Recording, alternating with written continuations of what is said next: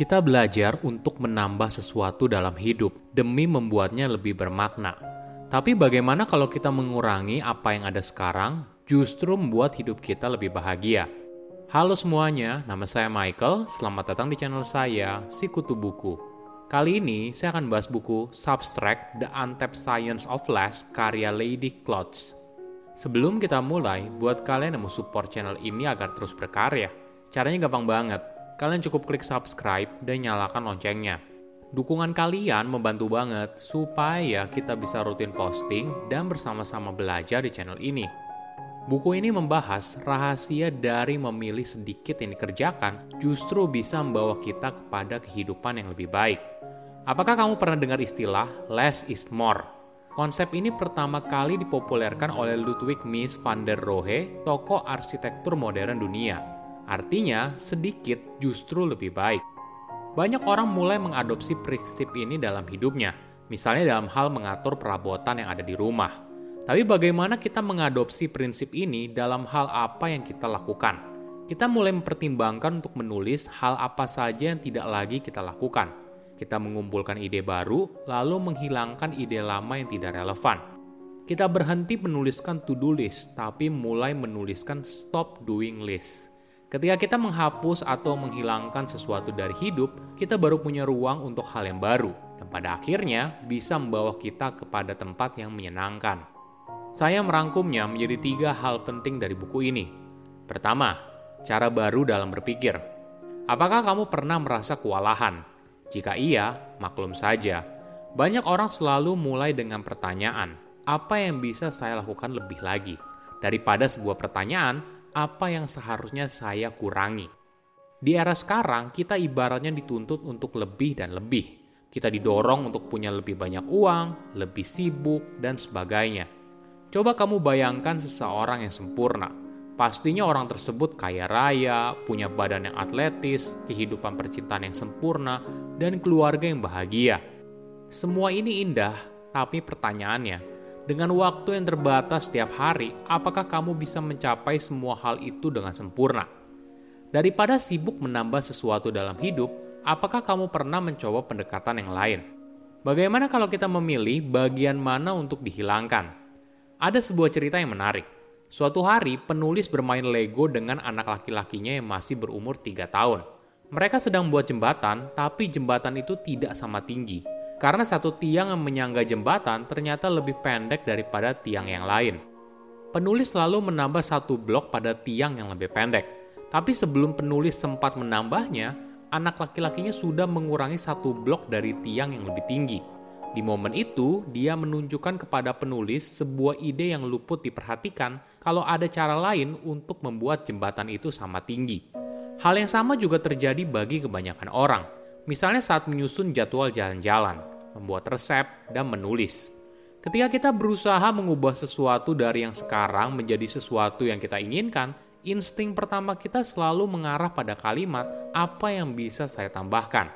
Artinya, kita sudah melewatkan cara sederhana yang lain untuk membuat perubahan.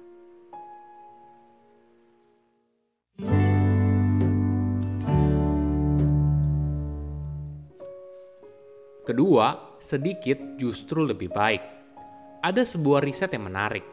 Penulis menjalankan riset ini dengan orang yang ada di kampus. Jadi ada sebuah Lego, lalu para responden diminta untuk membuat bangunan Lego itu menjadi lebih baik. Dari 60 peserta, hanya satu orang yang memilih untuk mengurangi Lego block dari bangunan tersebut. Sisanya berusaha menambah Lego untuk membuatnya lebih baik. Padahal dengan mengurangi satu Lego block, maka bangunan itu akan menjadi stabil. Hal yang sama juga terjadi pada riset yang lain. Kali ini, penulis meminta para peserta untuk mengimajinasikan sebuah perjalanan ke Washington DC. Dia lalu memberikan sebuah rangkaian perjalanan yang tidak masuk akal. Misalnya tujuh aktivitas dari jam 10 pagi hingga jam 3 sore. Lalu tujuh aktivitas lagi dari jam 4 sore hingga 10 malam. Para responden diminta untuk mengurangi aktivitas dari jadwal perjalanan mereka atau mereka boleh menambahkannya lagi. Hasilnya, 80% orang justru memilih untuk menambahkan aktivitas dari jadwal yang sudah padat. Kesimpulannya, mayoritas orang justru tidak pernah terpikir kalau mengurangi sebagai pilihan. Mungkin banyak orang kesulitan ketika mereka diminta untuk mengurangi sesuatu. Maklum saja, hal ini berlawanan dengan apa yang selama ini mereka pelajari. Tapi cara pandang yang baru ternyata bisa memberikan hasil yang luar biasa. Penulis bercerita soal sepeda untuk melatih keseimbangan dengan merek Strider Bike. Ini merupakan sepeda untuk anak balita, mirip seperti sepeda biasa, tapi bedanya tidak ada pedal goes. Ketika anak balita sudah bisa berjalan, maka dia sudah bisa duduk di atas sepeda ini.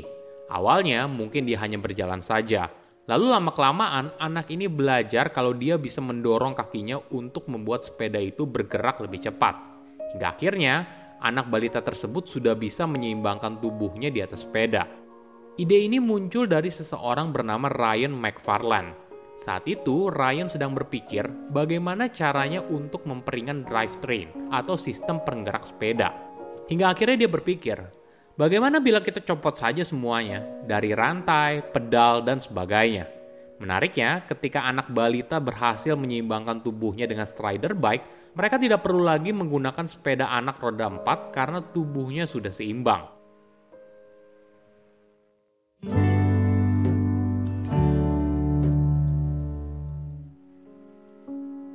Ketiga, keseimbangan antara tambah dan kurang. Filsuf terkenal dari Cina bernama Lao Tse pernah berkata, untuk mendapatkan pengetahuan, maka kamu perlu menambahkan sesuatu setiap harinya. Tapi untuk mendapatkan kebijaksanaan, maka kamu perlu menguranginya setiap hari. Kutipan ini sangat menarik dan mengajarkan kita untuk tidak melihat segala sesuatu dari sudut pandang hitam atau putih, Misalnya, kita berpikir kalau kita menambahkan sesuatu artinya kita tidak boleh mengurangi. Atau sebaliknya, ketika kita tidak menambahkan sesuatu, maka kita harus menguranginya. Tapi bagaimana kalau kita beralih dari pemikiran tambah atau kurang menjadi tambah dan kurang? Ada contoh yang menarik.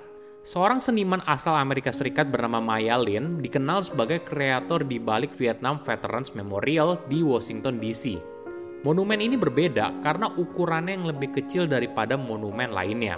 Tapi Maya menambahkan semua nama veteran Amerika Serikat yang meninggal dalam konflik tersebut. Sesuatu yang tidak kamu temukan pada monumen yang lain. Inilah keindahan dari tambah dan kurang. Oke, apa kesimpulannya? Pertama, sibuk menambah sesuatu dalam hidup. Kita terbiasa ingin sesuatu yang lebih. Lebih kaya, lebih banyak harta, lebih dan lebih tapi di sisi lain, hidup justru bisa lebih baik ketika kita berpikir untuk mengurangi apa yang sudah ada. Kedua, manfaat mengurangi sesuatu dalam hidup. Apakah kamu pernah dengar istilah less is more? Konsep ini pertama kali dipopulerkan oleh Ludwig Mies van der Rohe, tokoh arsitektur modern dunia. Artinya, sedikit justru lebih baik. Ketika kita menghapus atau menghilangkan sesuatu dari hidup, kita baru punya ruang untuk hal yang baru dan pada akhirnya bisa membawa kita kepada tempat yang menyenangkan.